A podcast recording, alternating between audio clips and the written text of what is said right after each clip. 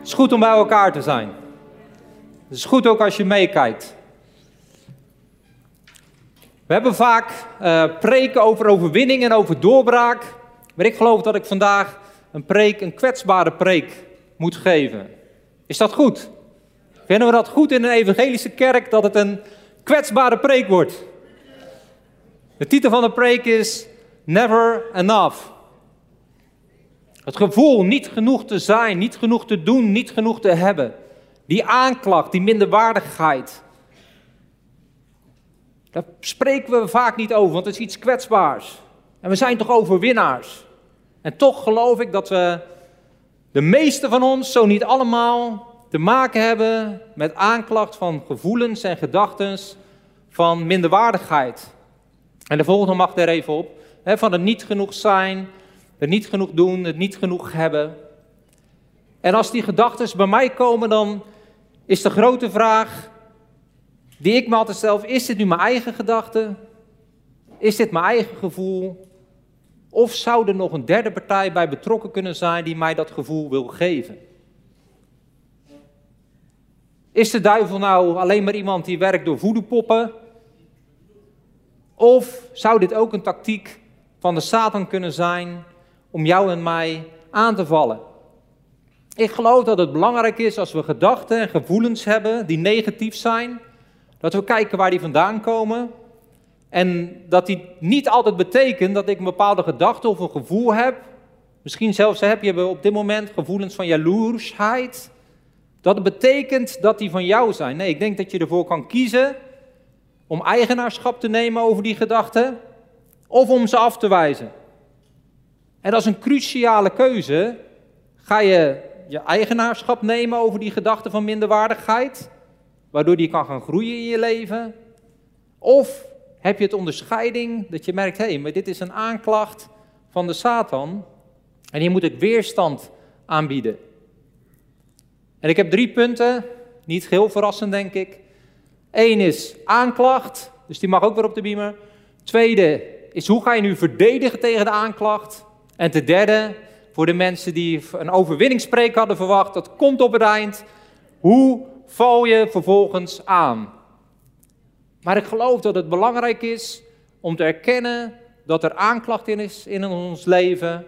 En dat we voordat we roekliesloos aan gaan vallen, we eerst verdedigen, pareren. Maar we beginnen met de aanklacht. De Bijbel noemt de duivel in openbaringen de aanklager van de broeders. Hij is dus erop uit om jou en mij aan te klagen.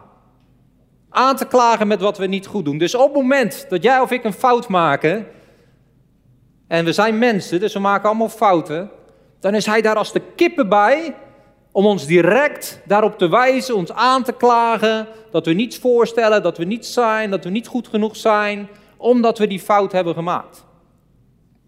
Ik weet nog, bij mijn stage, ik moest stage lopen, dat was spannend. En ik kreeg toevertrouwd om aan een project mee te werken. En ik was zo dom, ik had de inkoopprijzen doorgestuurd naar een klant. En het was net een project waar ze alles bij elkaar doen en op dit gedeelte een marge maakten van 80% of zo. Dus dat was een klant ergens in Japan. Dus de tijdzones zaten maar anders. En ik er nog achterna bellen in mijn boeren-Engels. Wat ik al enorm spannend vond om te zeggen: ja, die mail was verkeerd. Die moet je niet openen. Die moet je wegdoen. Er zit een virus in. Weet ik wat ik allemaal heb verzonnen. Om ze maar niet te laten openen. Maar ik kon wel door de grond zakken. En direct was daar die aanklacht natuurlijk om te zeggen: van jongen, stop er nou maar mee. in je hoofd ben je slim, in theorie ben je slim, maar in de praktijk zal het nooit wat worden. En de week erop moest ik een pakketje ophalen in Den Haag voor ze. En ik kreeg de auto mee van de zaak en die reek in de prak. Dus de aanklacht was overweldigend om er maar allemaal mee te stoppen. En te denken van laat het maar. Ik uh, ga wel een andere manier verzinnen om uh, rond te kunnen komen. Maar die aanklacht is er. ook als ouders hebben wij te maken met aanklacht. Ik weet nog, en dat, nou, dat beeld, telkens als ik dat zie, dan kan de aanklager weer even komen. Wij waren heel leuk met Joel aan het wandelen. En Joel, ik zie het nog voor me, zat in zo'n rode buggy. En uh, nou, op een gegeven moment werd het echt leuk, want we waren op zo'n fietspad. En ik duwde Joel en dan liet ik hem los, zo naar Daphne toe. En dan, ik weet niet of Daphne ook de vrijmoedig had om dat mij te doen, maar uiteindelijk kwam hij weer bij mij terecht in ieder geval. En ik deed het weer. En één keer die denkt, nou, nu is het leuk, want Joel die vond het leuk, hè? die zat te gieren. En dan denk ik, oh, wat uh, leuk. En ik denk, nu doe ik het extra hard. Ik geef hem een douw. En twee meter verder zat een put. Dus wat gebeurt er? Joel gaat door die put heen. Ja, hij zit hier in de zaal, dus ik heb het verhaal al vaker verteld. Hij heeft er geen trouwens meer van. Hij ligt er niet meer wakker van. Maar door die put klapt dat ding om en die schuift nog meters door. Met Joel zijn wang over dat asfalt heen. Dus ik ren erachteraan, ik pak hem op. Ja, krijsje, helemaal open. Helemaal open. Dus nou, alleen al die route naar huis had de aanklager kon wat ben je voor een vader, wie denk je dat je bent en denk je dat jij kinderen op kan voeden en moet je kijken hoe onverantwoord je met hem omgaat en dit komt nooit meer goed. Hij blijft, ja, zijn lip was ook drie keer zo dik. Hij zal de les van zijn leven verminkt zijn. Gelukkig is het een enorm knappe jongen geworden. Is er niks meer van te zien, geen litteken meer van over.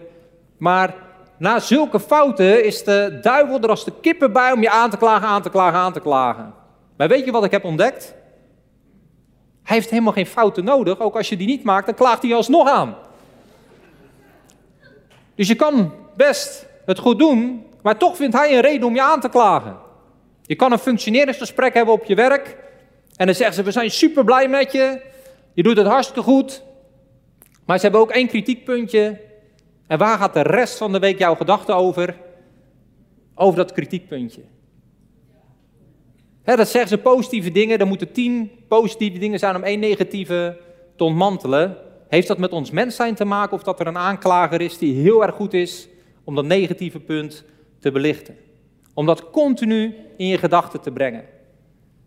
Ik geloof dat het onderdeel is van de geestelijke strijd.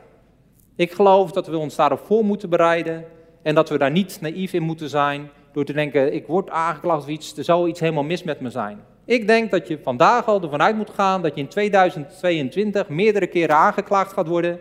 Dat je daar niet door moet laten ontmoedigen. Dat je niet moet denken, wat overkomt mij nu? Maar dat je weet, er is een vijand, ik ga aangeklaagd worden, maar ik weet hoe ermee om te gaan. Ik weet hoe ik me daartegen kan verdedigen. Ik weet hoe ik kan aanvallen, en daar gaan we vandaag met over hebben. Opdat de aanklager geen overwinning op ons behaalt. De Bijbel zegt in 1 Petrus 5, vers 8 en 9: Wees nuchter en waakzaam. Dus er staat niet, word overgeestelijk als het op geestelijke strijd aankomt. Nee, juist, wees nuchter en waakzaam. Want uw tegenpartij, de duivel, gaat rond als een brullende leeuw. Op zoek naar wie hij zou kunnen verslinden. Biedt weerstand aan hem, vast in het geloof.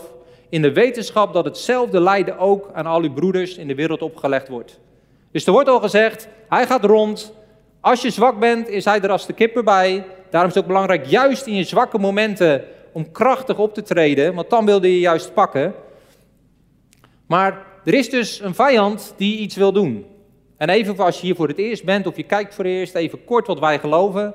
Wij geloven God is goed en God wil het beste voor je leven. Hij wil een leven in overvloed. Maar er is ook een tegenstander en die is gekomen om te vernietigen, om te strooien, om jouw leven kapot te maken.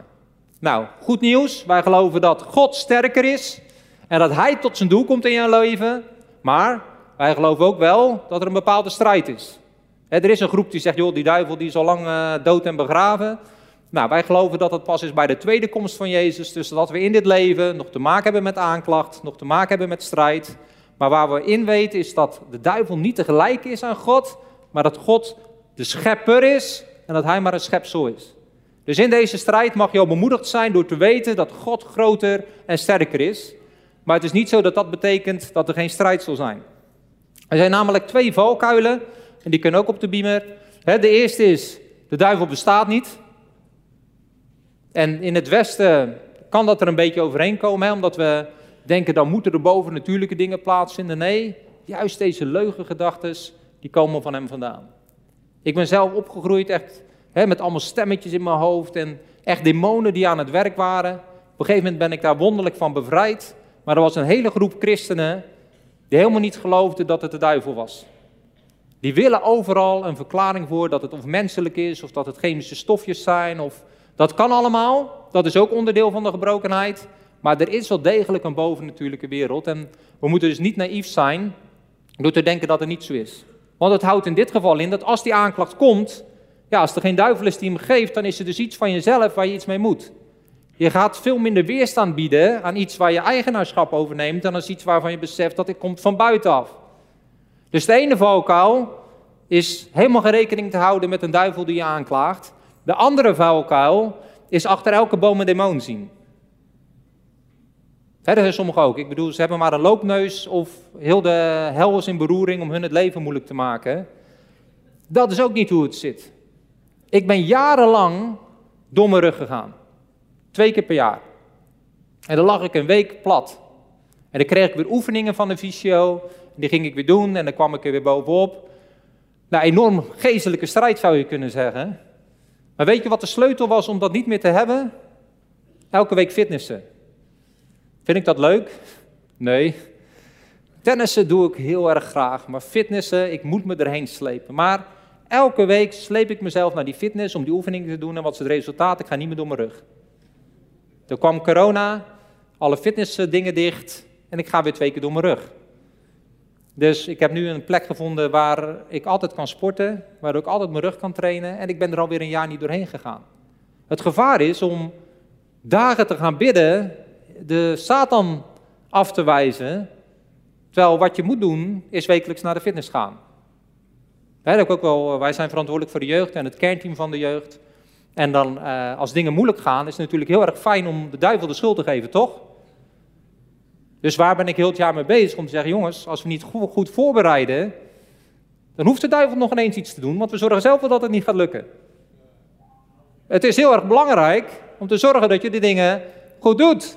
Dat je goed voorbereidt, dat je verantwoording neemt. En dan kan de geestelijke strijd komen, maar daar ben je ook op voorbereid. Maar het is natuurlijk niet zo, als jouw leven een puinhoop is, dat het per definitie aan de duivel ligt. Het kan ook heel goed te maken hebben dat je zelf iets kan ontwikkelen. Dat er iets in jezelf is wat kan groeien. En daarom is het zo belangrijk, wat zegt de Bijbel, wees nuchter en waakzaam.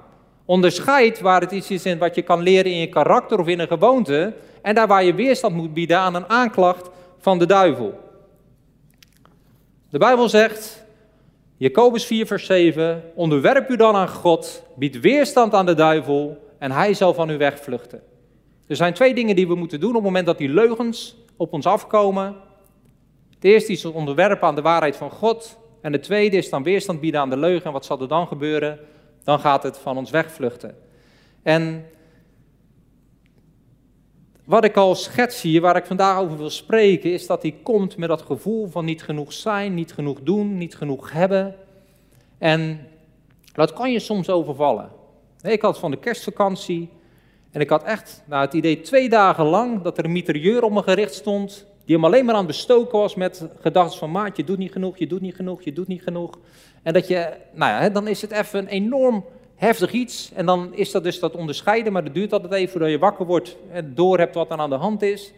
Maar dan komt er echt zo'n gevoel voor over je dat je denkt van, pff, ik denk dat ik na de kerstvakantie maar niet weer op ga starten. dat je, dat je, het gaat allemaal niet, het werkt allemaal niet. Het, we hebben het over een open kwetsbare preek. Is er iemand die dit herkent? Of sta ik hier alleen voor mezelf te preken? dan kan dat komen dat je echt helemaal minder waardig voelt. En die leugens, die ja, gaan er eigenlijk in als zoete koek. je hebt eigenlijk het idee van, ja, het klopt nog wel ook. Ik zou meer dat kunnen, of die, of die doet dat nog veel beter.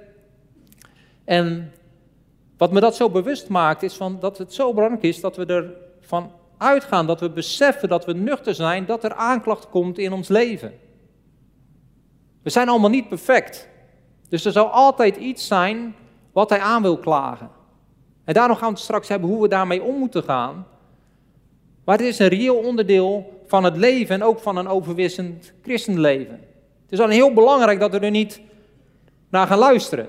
Want op dat, op dat soort momenten, dan kan de duivel me het gevoel geven van, joh Maart, je kan het best gewoon stoppen als oudste. Dan heb je al dat uh, gedoe niet, dat gezeur niet in jezelf. Van kan ik dit wel, kan ik dit niet, eh, is dit wel goed, is dit niet goed. En dan heb je een heerlijk leven. Want ja, dan doe je gewoon datgene waar je goed in bent. Ik ben goed met cijfertjes. Nou, dat verdient heel makkelijk geld. Dus dan kan ik gewoon drie dagen dat een beetje doen en dan voor de rest, uh, ja, weet ik veel, leuke dingen doen. Met Daphne, hè, die, is die werkt nu ook niet. Dus. Maar op het moment dat ik dat doe, zou doen, dan onderwerp ik me niet aan God, maar dan onderwerp ik me aan de duivel. En onze ziel is daar gevoelig voor, want die wil altijd de makkelijkste weg kiezen. De duivel wil je dus zo masseren. denk je, oh, als je nou met dat allemaal stopt, maar ik zou doodongelukkig worden. Waarom? Waar word ik gelukkig van? Het volbrengen van de wil van God. Dat is waar ik op lange termijn gelukkig van word en wat op korte termijn ook mij de ding geeft. Als ik thuis alleen maar op de bank ga zitten. Was een aantal jaar geleden ontmoette ik eh, een man, gingen we bij bezoek. En die had het helemaal gemaakt. Die had zijn bedrijf voor meer dan 50 miljoen verkocht. En we kwamen bij hem op bezoek. Hij woonde in een ander land nu. En hij deed niks meer met zijn talenten. Hij zat daar, hij las boeken, maar die man had zoveel kunde en kennis dat hij een bedrijf helemaal had op kunnen bouwen. En nu zat hij daar. En hij gebruikte ze niet meer. En ik werd echt verdrietig voor die man. Ik denk, je hebt zoveel potentie, zoveel talenten, maar omdat je gecast hebt, gebruik je ze niet meer. Het is super om al jong financieel afhankelijk te zijn, maar laat dat je nou juist vrijzetten om anderen te kunnen blijven helpen. Betaald of onbetaald, misschien word je er nog drie keer zo rijk van, misschien niet, maar we zijn allemaal niet bestemd om op een jonge leeftijd of op een oudere leeftijd geen invloed meer te hebben in het leven van anderen. Ik geloof dat we daar altijd toe bestemd blijven. En dat we daarvoor dus weerstand moeten bieden aan die aanklacht, aan het leven maar zo makkelijk mogelijk maken. En ik geloof dat het dus belangrijk is als die aanklacht komt, dat we leren om geestelijk te reageren en niet vleeselijk. En daar gaan we nu naar kijken, naar de verdedigen, naar de verdedigingstactiek. Je hebt een verdedigingstactiek nodig om een wedstrijd te kunnen winnen. als Ajax-fan weet ik dat heel goed. Want die hebben jarenlang goed aan kunnen vallen. Waarom dat ze de restverdediging niet op orde hadden, geen slot op de deur hadden, geen Alvarez hadden. Uh, kregen ze altijd in de counter de deksel op hun neus en vlogen ze er toch weer uit te weten. Het idee had dat ze tien keer zo goed waren. Nou, waren ze aanvallend gezien ook, maar niet verdedigend. Geestelijk is hetzelfde gevaar dat we zo bezig zijn met aanvallen, maar onze verdediging niet op orde hebben. Waardoor één keer een counter en bam, alles stort in. Waarom? Omdat we niet voorbereid zijn op die counter. We hebben onze verdediging niet op orde. Een sport die minder in Nederland wordt gespeeld, maar waarvan ik dan nog in mijn hoofd heb defense, defense, defense. En dat zingen ze ook vanaf dat podium. Dat is volgens mij basketbal. Dan zitten allemaal defense, defense. En dan moeten ze die laatste 10 seconden doorkomen. En de tegenpartij heeft dan offense, offense. Nou, die moeten dan juist in die laatste seconden nog die winnende lay-up is het volgens mij geven. Om tot die overwinning te komen. Maar wat je daarin ziet is dat er in elke sport een verdedigingstactiek is en een aanval. Als je het goed wil doen, dan heb je niet alleen de meeste doelpunten nodig, maar ook de, de minste tegendoelpunten. Nou, geestelijk gezien dus ook. Het is goed om op aanval te hebben. En ik geloof dat we veel prediking krijgen over hoe we aan kunnen vallen. Maar het is ook belangrijk om onze verdediging op te hebben voor als die aanklacht komt. Dus als we geestelijk worden aangevallen, die, de tegenstander komt aangedribbeld met die bal, dan moeten we een tactiek hebben om een stiel te hebben, een blok te hebben om die bal af te pakken. Dus de duivel komt op ons af met allemaal leugens, allemaal aanklacht. Wat wordt onze defense? Nou, hij mag op de beamer wat stond. Oh, hij staat er al. Ga niet in discussie met de aanklager. Heel simpele verdedigingstactiek. Elke seconde aandacht die je de aanklager geeft, is er één te veel. Dus er worden allemaal gedachten en gevoelens, of je een fout hebt gemaakt of geen fout hebt gemaakt, worden op je afgevuurd in een bepaald moment. Wat je niet moet doen, is vleeselijk gaan reageren en dat is in discussie gaan met de duivel. Want op het moment dat je in discussie bent met de duivel, dan ben je niet gefocust op Jezus, maar dan ben je gefocust op Hem. En dan heeft Hij zijn doel al bereikt. Hij weet al lang dat jij vroeg of laat wat tot de waarheid komt en de Bijbel gaat zoeken en je bezig gaat houden met de waarheid. Maar hoe langer Hij jou bezig kan laten zijn met zijn aanklacht, hoe langer Hij jou ervan weer kan weerhouden om tijd door te brengen met Jezus. Daarom blijft hij het maar proberen. Het is een geweldige tactiek. Zolang jij maar aan het verdedigen bent, kom je nooit toe aan aanvallen. Dus elke seconde aandacht die jij geeft aan de aanklacht aan de duivel is een verloren seconde. Nou, dat had ik in de kerstvakantie wel even nodig om door te hebben. Anders kan zoiets twee weken duren. Elke seconde dat we eigenlijk te veel geven. En het is belangrijk dat we ergens ons komen. Hey, ik geef nu te weinig eraan. Want ik weet niet of je dat herkent. Dan komt die aanklacht, maatje doet niet genoeg. Ja, inderdaad, ik zou meer dat moeten doen. Ik zou meer dat moeten doen. Maar ja, dit heb ik wel gedaan. En ja, hier ook. En ja, als ik eerlijk gezegd ook naar anderen kijk. En dan ga je in gedachten, hè? Maar wat is het allemaal? Vlees, vlees, vlees, vlees, vlees. En uiteindelijk ga je keihard nat. Tenminste, ik ben tot nu toe altijd nat gegaan in dat soort dingen. Waarom? Je gaat in het vlees bezig. En even kan je dan die aanklacht van je afduwen, maar vervolgens komt de volgende aanklacht weer. Dus in je vlees ga je dat nooit winnen. Het enige wat je eigenlijk dus het best kan doen, is maar gewoon een soort van gelijk geven. Een soort van, joh, ja, het zou best zo zijn, ik ga er geen aandacht aan besteden. Waar ik me op focus is wat God over me zegt, wat de Bijbel over me zegt. Een aantal teksten die dit onderbouwen. Galaten 2 vers 20, je hoeft ze allemaal niet op te zoeken hoor, want ik vuur ze even op je af. En dan als je ze nog na wil eh, lezen, dan zet ik ze wel op mijn Nehemia. Ik ben met Christus gekruisigd en niet meer ik leef, maar Christus leeft in mij. En voor zover ik nu in het vlees leef, leef ik door het geloof in de Zoon van God, die mij heeft liefgehad en zichzelf voor mij, voor jou, heeft overgegeven. Anderen, want hoewel hij, Jezus, gekruisigd is door zwakheid, leeft hij toch door de kracht van God. Ook wij zijn immers zwak in hem, maar zullen ten opzichte van uw leven met hem door de kracht van God. Maar nu zijn wij ontslagen van de wet, gestorven aan dat waaraan we vastgebonden zaten, zodat wij in nieuwheid van geest dienen en niet in de oudheid van de letter. Wat elke tekst, en er zijn er veel meer, maar wat hebben ze allemaal gemeenschappelijk? Dat ze zeggen, ik ben zwak, maar hij is sterk.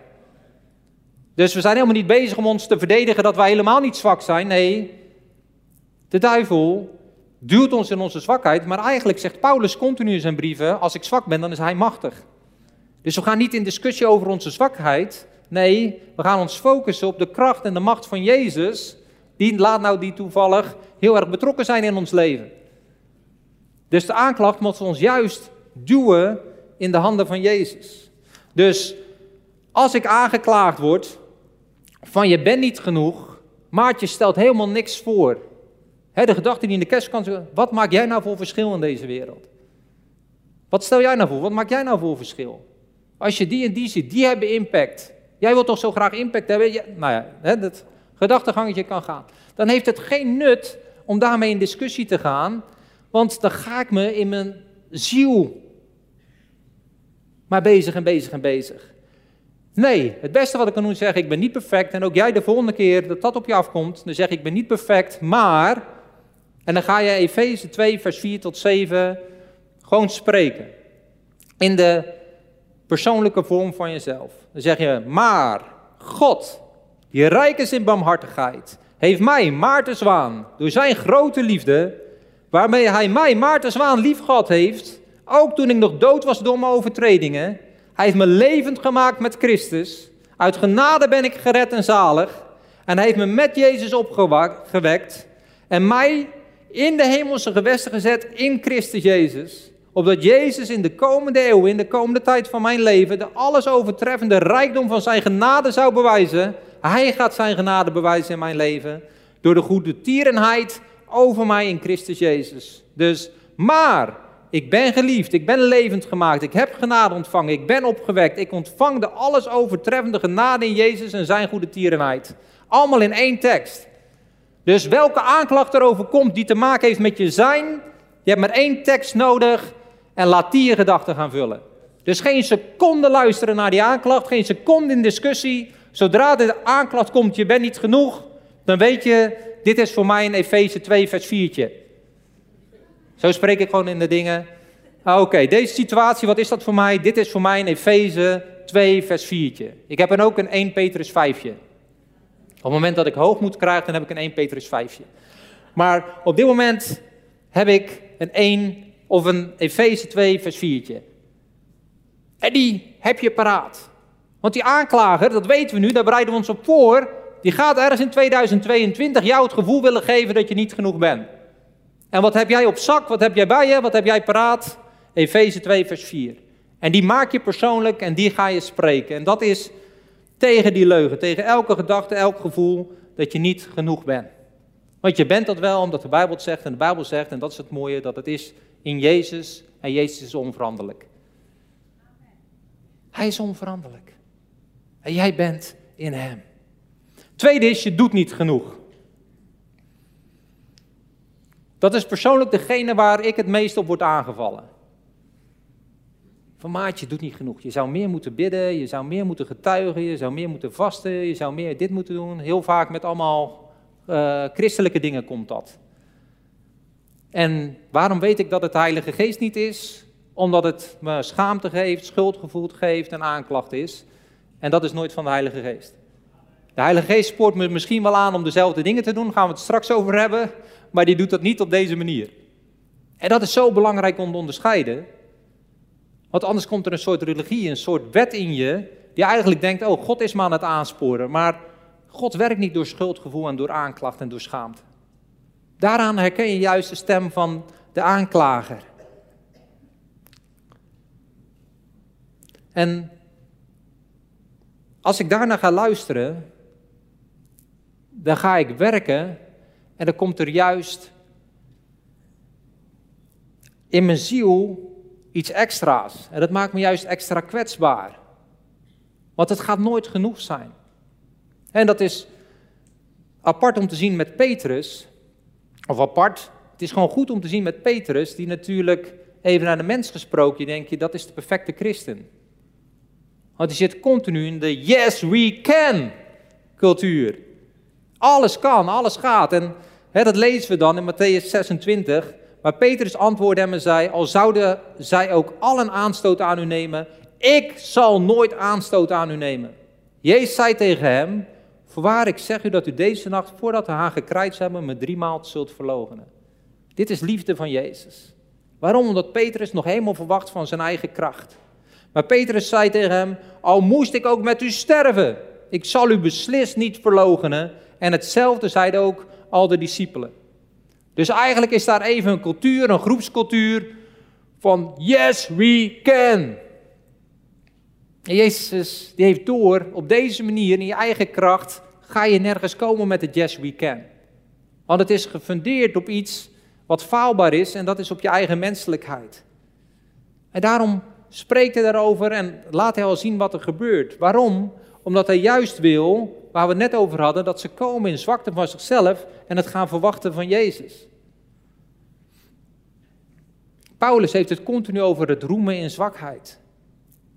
De tekst die Cheryl ook al aanhaalde. Kom naar mij toe, zegt Jezus, alle die vermoeid en belast zijn, en ik zal u rust geven. Jezus wil rust geven. Jezus, zijn juk is zacht, zijn last is licht. Dus we hoeven het niet vanuit onszelf. Nee, we mogen het straks in de aanval, gaan we dat zien juist van Jezus verwachten, van God verwachten in ons leven. Maar we gaan niet harder werken om maar te bewijzen dat we wel genoeg doen. Want dat zal nooit genoeg zijn. En dat vind ik heel mooi. In Handelingen 15 is er een enorme discussie. Waarom de Joden die willen ook allemaal wetten op de heidenen leggen. Dat ze ook allemaal werken moeten doen om te bewijzen dat ze goede christenen zijn. En dan komt Petrus. En Petrus is nog steeds een vurige christen. Maar nu vanuit een heel andere motivatie. En wat zegt hij? En God, de kenner van de harten, heeft getuigenis aan hen gegeven door hun de Heilige Geest te geven, evenals aan ons. En hij heeft geen onderscheid gemaakt tussen ons en hen. En hij heeft hun hart door het geloof gereinigd. Wel nu dan, waarom verzoekt u God door een juk op de hals van de discipelen te leggen, dat onze vaderen en ook wij zelf niet hebben kunnen dragen? Maar wij geloven door de genade van de Heer Jezus Christus op dezelfde wijze zalig te worden als ook zij. Hij maakt een korte met hem en hij zegt: Stop met al dat. Dit en dit en dit en dit en dit, moeten ze allemaal doen. En dan zullen ze bewijzen dat ze echt de goede christenen zijn. Laten zij en wij het allemaal verwachten van Jezus alleen, omdat we erachter gekomen zijn dat we het niet kunnen dragen, de last van de wet. De last van het zelf moeten fixen, het zelf moeten doen. Dus als we niet genoeg doen, dan gaan we niet harder ons best doen als die aanklacht komt. We gaan geen seconde aandacht daaraan geven. En we gaan straks aanvallen. En dan ga ik je straks vertellen hoe we aan gaan vallen. De laatste aanval die ik nog wil noemen is, je hebt niet genoeg. En dat is een leugen die soms binnen kan komen. En die zag je in het, in het Nieuwe Testament, zag je daar Jacobus voor waarschuwen en Paulus voor waarschuwen. Maar ook nu is dat belangrijk, dat het volgen van God inhoudt dat je rijk wordt. Dat het volgen van God altijd inhoudt dat je eh, miljonair zou worden, of dat je tonnen zou hebben, of dat je passief inkomen zou hebben. Nou, dat heeft heel erg veel te maken, of je dat zou hebben, met waar God je toe geroepen heeft. En dat is het belangrijkste, is dat je doet waartoe God je roept. En dat belooft de Bijbel dat hij altijd zal voorzien, maar dat betekent niet dat we allemaal miljonair zullen worden. En soms kan er een gevoel komen en wil dat de kerk inkomen, als God je echt zegent, dan betekent dat dat je dus miljonair zou worden. Nee, sommige mensen hebben de roeping om miljonair te worden, en die zullen dat ook worden. Maar sommige mensen hebben de roeping om verpleegkundige te worden of verpleegkundige. Ja, daar ga je geen miljonair mee worden. Sterker nog, op het moment dat jij andere dingen gaat doen om miljonair te worden, dan loop je weg van je roeping die God je heeft gegeven. Dus het belangrijkste wat je doet, is niet focus op bezittingen, maar is focus op de roeping in Jezus. En dat is wat Paulus zegt in Filippenzen 4, vers 11. Niet dat ik dit zeg vanwege gebrek, want ik heb geleerd tevreden te zijn in omstandigheden waarin ik verkeer. En ik weet wat is, het is vernederd te worden. Ik weet ook wat het is om overvloed te hebben. In elk opzicht, opzicht en in alles ben ik ingewijd. Zowel in het verzadigd te zijn als in honger lijden. Zowel in overvloed te hebben als in gebrek lijden. Alle dingen kan ik aan door, je, door Christus die mij kracht geeft. ik vermag alle dingen in hem die mij kracht geeft. Dat zongen we vroeger. Nou, wat je daar dus eigenlijk mee zingt is, wat het leven mij ook geeft, ik kan er doorheen omdat ik Jezus volg. En ik geloof dat God een goede God is. Ik geloof dat God een voorzienende God is. Maar ik geloof dat het belangrijk is dat wij onze voldoening niet halen uit hoeveel we hebben. Want dat zal nooit genoeg zijn als dat je focus is. Maar dat je het haalt uit wat God van je vraagt om te doen. En een tijdje geleden had ik het er met Joel over, mijn zoon, die is nu 13. Eh, en uh, nou, iemand had hem gezegd, joh, het is belangrijk dat je rijk wordt en dit is een manier om rijk te worden en dat is een manier om rijk te worden. En uh, nou, ik zat er een beetje bij, dus daarna had ik een gesprek met hem. Ik zeg, hè, ik wil je één ding zeggen, alsjeblieft, maak geen doel in je leven van om rijk te worden. Ik zeg, dat gaat je echt niet gelukkig maken. Zeg, je, hij, hij, is hartstikke slim, hij doet gymnasium, heeft hij een talent van gekregen van God. Ik zeg, doe enorm je best en ook je opleiding daarna. Ik ga mijn best doen om dat allemaal te betalen. Maar waarom? Omdat ik geloof dat je gaaf en talent hebt gekregen om toegevoegde waarde te hebben voor anderen. Ik zeg, als dat je focus wordt, dan zou je geluk vinden in het leven, dan zou je doen wat God van je vraagt. En gezien jouw talenten zou je er ook nog een dikke boterham mee verdienen, lekker op vakantie kunnen, leuke dingen kan doen. En misschien wel heel erg rijk worden. Maar laat dat niet je focus zijn. Laat dat niet je focus zijn. ik geloof dat het belangrijk is. En ik geloof dat het voor sommigen is vandaag. Je bent ontevreden geworden over je leven. Omdat je niet verdient of niet groeit in vermogen. Terwijl je precies wandelt in de bestemming die God voor je heeft. Ik weet nog, jaren geleden ging ik naar een conferentie. En dat was, ging over passief inkomen. Ging er eigenlijk over, dan moet je hierin investeren, daarin investeren. En ik ging een beetje gefrustreerd naar huis. Weet je waarom? Omdat God me op dat moment riep om hier te werken. En met dat loon werd het al een uitdaging om over 30 jaar mijn hypotheek te hebben afgelost. En dan hoor je zo'n ding en dan denk je, wat voor bochten moet ik me allemaal wringen? Of wat wil God allemaal doen om daar te komen? En waar werd ik, word je dan op gefocust? Op passief inkomen vergaren, terwijl mijn focus moet zijn op het vervullen van de roeping van God. En dat is een beetje het nadeel van deze tijd. We kunnen naar alle conferenties, we kunnen alles horen, we kunnen alles volgen. Terwijl eigenlijk een conferentie over passief inkomen, dat moet je geven aan mensen die God heeft geroepen om investeerders te zijn. Als jij geroepen bent voor een loondienstbaan, waar je als christen in geroepen kan zijn, dan is het zo belangrijk dat je gaat leren hoe ga je om te gaan met geven, hoe ga je om met tienden, hoe kan God je zegenen, hoe kan je hypotheek afbetalen.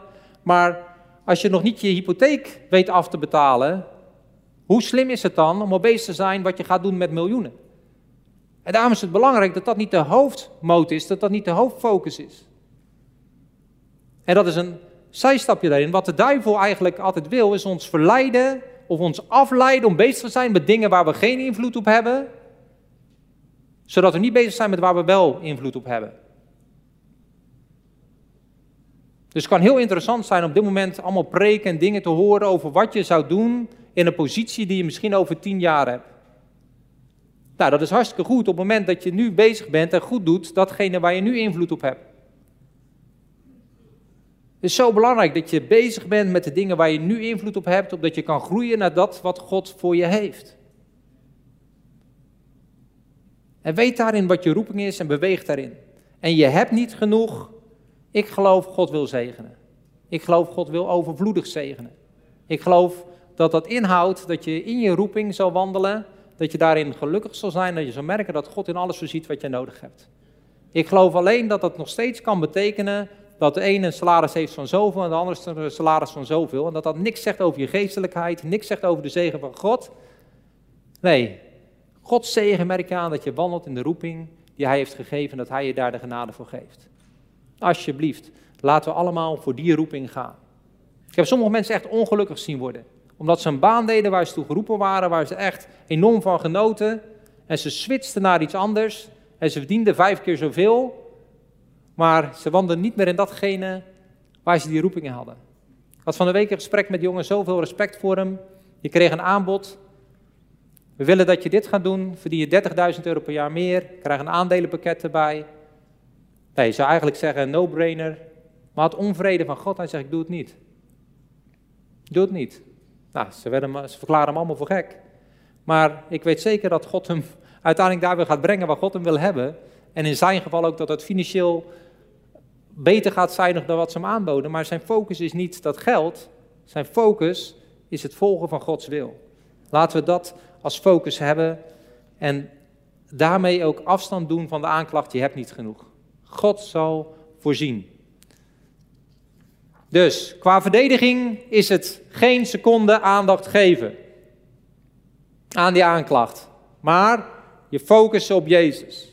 En dat is direct dan ook de aanval je mag erop, uh, ja, focus je op Jezus. Op het moment dat de aanklager komt en die wil jou een gevoel van minderwaardigheid geven, dan ga je daar niet naar luisteren, ga je niet mee in discussie, maar in plaats daarvan ga jij je focussen op Jezus. Het aanvallen is dus heel simpel ook weer, je focus je op Jezus en je geeft ruimte aan zijn geest in jouw leven. Soms kan je iets stille tijd noemen, kan ik iets stille tijd noemen. En eigenlijk heb ik een hele lange tijd met de aanklager met de aanklacht en Jezus zit er als het ware maar bij. Nee, de bedoeling is dat jij tijd met Jezus hebt en dat de aanklacht een beetje in de hoekje erbij zit te kijken om te zien wat voor geweldige tijd jij hebt met Jezus. Als je zegt, ik praat met Jezus, maar het gaat alleen maar over je aanklacht, met wie ben je dan eigenlijk echt in de kamer? De bedoeling is juist dat je door aanbidding, door de Bijbel, door andere dingen, je focust op Jezus en de aanklacht er een beetje bij zit, terwijl die ziet hoe jij intimiteit hebt met Jezus. En dat is soms een worsteling en het kost, soms even om daar te komen, maar daarin zit de doorbraak.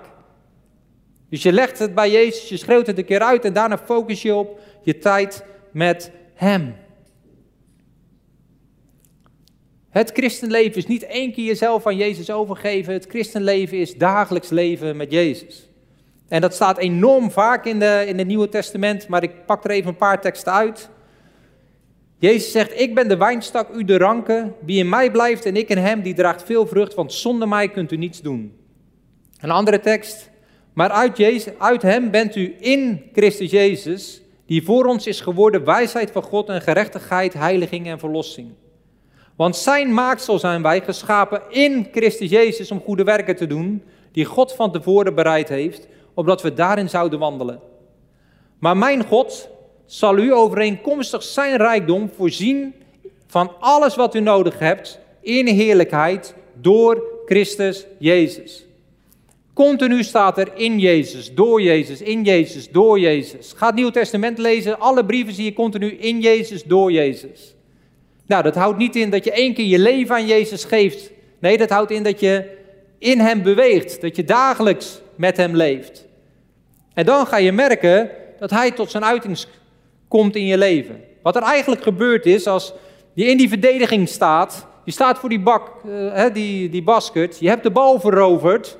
Wat wil de duivel? Dat je daar blijft staan en net zo lang wacht totdat hij je weer aan komt vallen.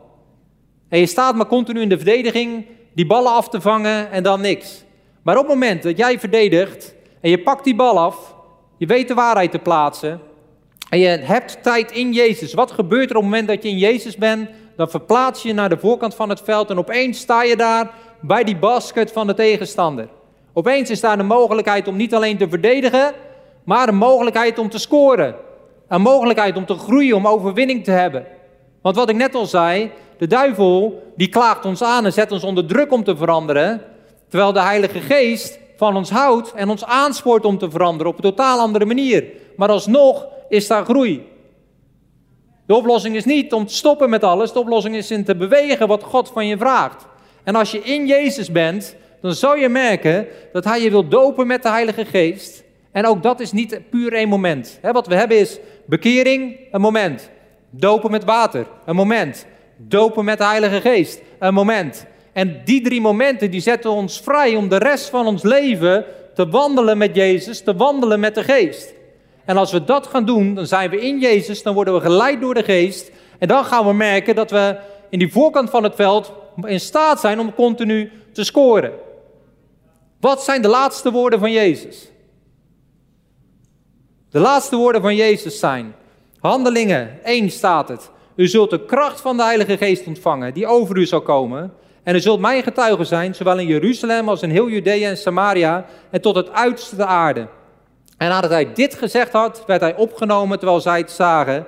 En een wolk ontrok hem aan hun ogen. Dit, de schrijver van handelingen is Lucas en die noemt dit...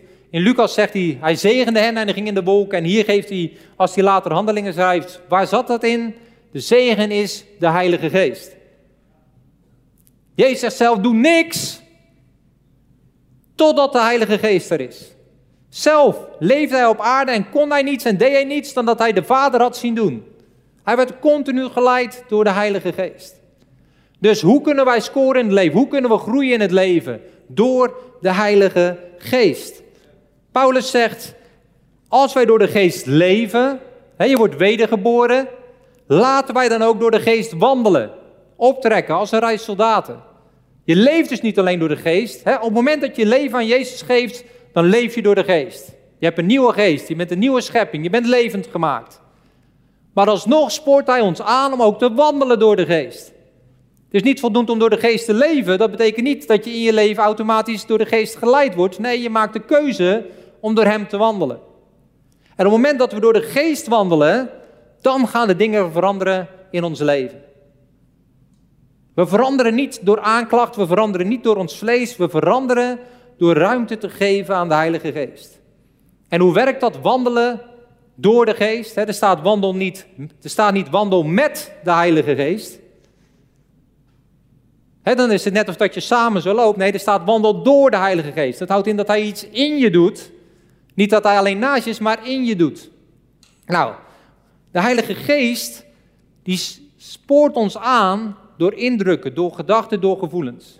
En die gaan gepaard met vrede. Die gaan gepaard met een heel duidelijk iets. Hey, hier komt een verlangen wat niet mijn verlangen is. En we moeten de geest daarin gaan leren verstaan.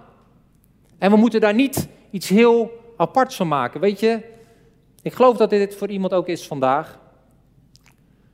Door dingen die we horen of die we zien en waar de Heilige Geest mee te maken hebben, kunnen we soms het idee krijgen dat de Heilige Geest alleen iets, iets is of iemand is. Soms zien we het als iets, terwijl de Heilige Geest is geen iets. De Heilige Geest is geen vage kracht. De Heilige Geest is God zelf. Hij is een van de drie eenheid. Hij is God. Maar de Heilige Geest is niet een persoon die alleen maar kan optrekken met expressieve mensen. Dit is echt voor iemand vandaag. De Heilige Geest is evengoed de God van introverte mensen als van extroverte mensen. Het is niet zo dat de Heilige Geest op of in degene is die daar het meeste uiting aan geeft. Een expressief persoon zal door de Heilige Geest een totaal andere uiting geven dan dat de Heilige Geest een uiting geeft door een introvert persoon, maar het is beide door de Heilige Geest. Dus wat die expressieve persoon uit door de Heilige Geest is ook echt de Heilige Geest. Maar dat betekent niet dat een introvert persoon hetzelfde zal geleid worden door de Heilige Geest. Ik geloof echt dat er een aantal mensen zijn en die zijn bang om de Heilige Geest ruimte te geven in hun leven, omdat ze denken dat ze dan net zo worden als een expressief persoon, terwijl ze dat helemaal niet zijn. Als je dat niet bent, zal hij je ook niet leiden om zo te zijn. Want die uiting is niet wie de Heilige Geest is.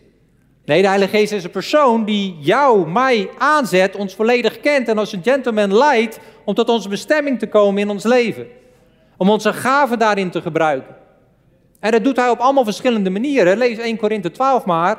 Verscheidenheid van gaven, verscheidenheid van mensen, het is dezelfde geest. Hij heeft jou gemaakt. Als hij wilde dat je altijd op een bepaalde manier uiting zou geven aan iets, dan zou hij ook zo hebben gemaakt. Nee, dat hij jou anders heeft gemaakt, geef aan dat hij jou ook anders wil gebruiken. Dat neemt niet weg dat hij je soms iets kan leiden om te doen wat spannend is. dat is weer de keerzijde. Ik hou er altijd van om beide kanten te belichten. Het houdt dus niet in dat je zegt van ja, ik heb echt het gevoel dat de Heilige Geest van me vraagt om een kaart te schrijven voor een persoon. Maar misschien word ik wel afgewezen en ik hou niet van afwijzing, dus dat doe ik niet. Nee, de Heilige Geest wil je wel aansporen om dat te doen. Maar de Heilige Geest is zo betrokken dat hij, terwijl jij vrijdag op de bank zit en denkt van, oh, eindelijk weekend, kan die opeens zeggen, en ik heb er ervaring mee, ga toch maar even helpen in de keuken. Dat is ook de Heilige Geest. Of terwijl een van je kinderen met je bezig is, ga er toch even kijken. Of de indruk geven, hé, hey, bel toch even die persoon. Stuur die persoon even een appje.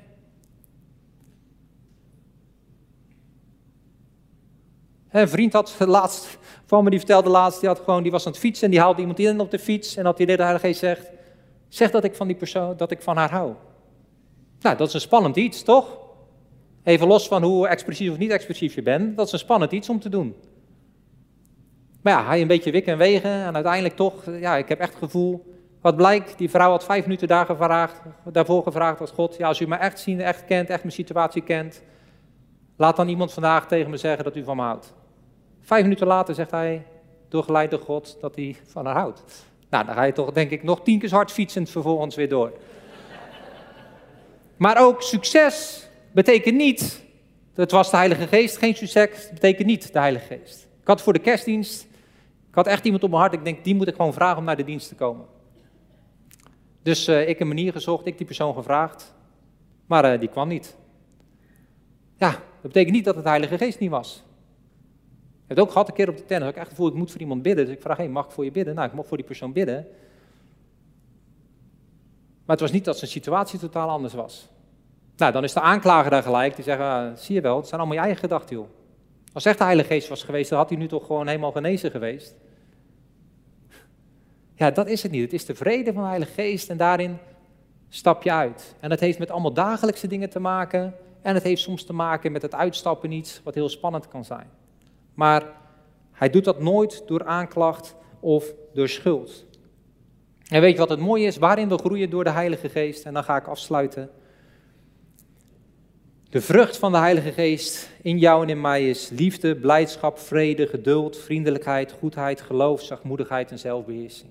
Gaven die Hij wil gebruiken, door jou heen wil doen, is profetie, anderen bemoedigen, dienstbetoon, onderwijzen, bemoedigen, uitdelen, leiding geven, ontfermen, woorden van wijsheid en kennis, van geloof, genadegaven van genezingen, krachten, profetie, onderscheiding van geest, allerlei talen en uitleg van allerlei talen.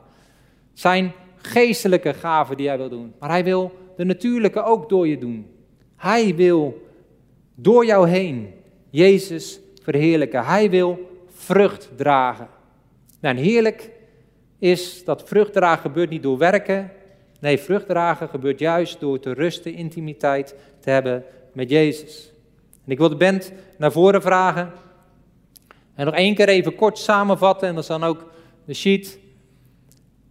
Never enough. Als we geconfronteerd worden met de aanklacht, met het gevoel, met gedachten dat we niet genoeg zijn, niet genoeg doen, niet genoeg kunnen, niet genoeg hebben. Wat doen we dan? Eén, we weten dat we die aanklacht kunnen verwachten in ons leven.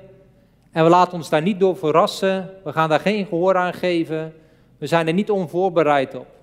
Tweede is, we verdedigen onszelf door de aanklager en de aanklacht te negeren. En terwijl we dat negeren, focussen we onszelf, derde de aanval, door Jezus te zoeken en ons te laten leiden door de Heilige Geest. En wat gebeurt er dan? En dat vindt hij niet leuk. Het effect is dat elke keer dat we aangeklaagd worden, we niet ontmoedigd raken wat zijn doel is. Nee, in plaats van dat we ontmoedigd raken, versterken we onze relatie met Jezus en groeien we in de vrucht en goede werken van de geest. Dus elke keer als er een aanval komt van de duivel, waarvan hij denkt dat gaat ontmoediging uitwerken, wat gaat er gebeuren? In plaats daarvan worden wij krachtiger in Jezus en worden wij krachtiger in het wandelen in de goede werken die Hij van tevoren heeft voorbereid en groeien wij in ons karakter van de Heilige Geest. Amen. Dat is wat God voor ons heeft. En ik geloof gewoon dat er een aantal mensen zijn die nu op dit moment aangeklaagd worden. Die vanmorgen nog aangeklaagd zijn door de duivel, die van de week aanklacht hebben ervaren in hun leven. En als je dat bent, als je die aanklacht ervaart, maakt niet uit waar het over gaat. Het kan zijn dat je niet genoeg, goed genoeg doet als ouder of als werknemer of als werkgever, of dat je deze week een enorme fout hebt gemaakt. Maar wil ik je gewoon vragen om korte momenten te gaan staan. ik wil gewoon op dit moment voor je bidden.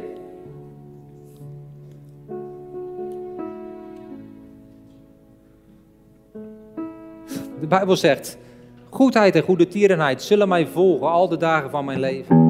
Ik zal in het huis van de Heer blijven tot in lengte van dagen. Dus de focus is om bij Jezus te zijn. En wat is het effect? Dat heil en goede tierenheid jou zullen volgen. Je hoeft ze niet te zoeken in je leven, het zal je volgen. En als je bent gaan staan, wil ik je gewoon vragen om mij een moment na te bidden.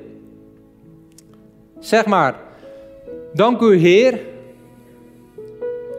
En de rest van de zaal, doe maar mee. Dank u, Heer, dat ik vrij van aanklacht mag zijn. Niet omdat ik perfect ben, maar omdat u een perfecte God bent. Dank u, Jezus, dat u volmaakt bent. En dat u zegt, en dat beleid ik vandaag ik ben geliefd. Ik ben levend gemaakt. Ik heb genade ontvangen. Ik ben opgewekt. Ik ontvang de alles overtreffende genade van Jezus. En zijn goede tierenheid. Jezus, u bent mijn hoop. Mijn bekwaamheid. Mijn vrucht. In Jezus' naam. Amen. Ja, Heer, en op dit moment doop ik deze mensen met uw geest. Heer, ik zet uw geest vrij over hen. Ik dank u dat op dit moment, Heer, de aanklager ja, een trap onder zijn kont heeft gekregen en het huis uit is gestuurd. Heer, en dat er weer die plaats is van u. Op het moment dat ze rustig zijn in hun gedachten, tot stil te komen, dan is daar uw woord, dan is daar uw waarheid. Dan is daar uw stem. Ik hou van jou. Dan is daar uw stem. Je kan dit.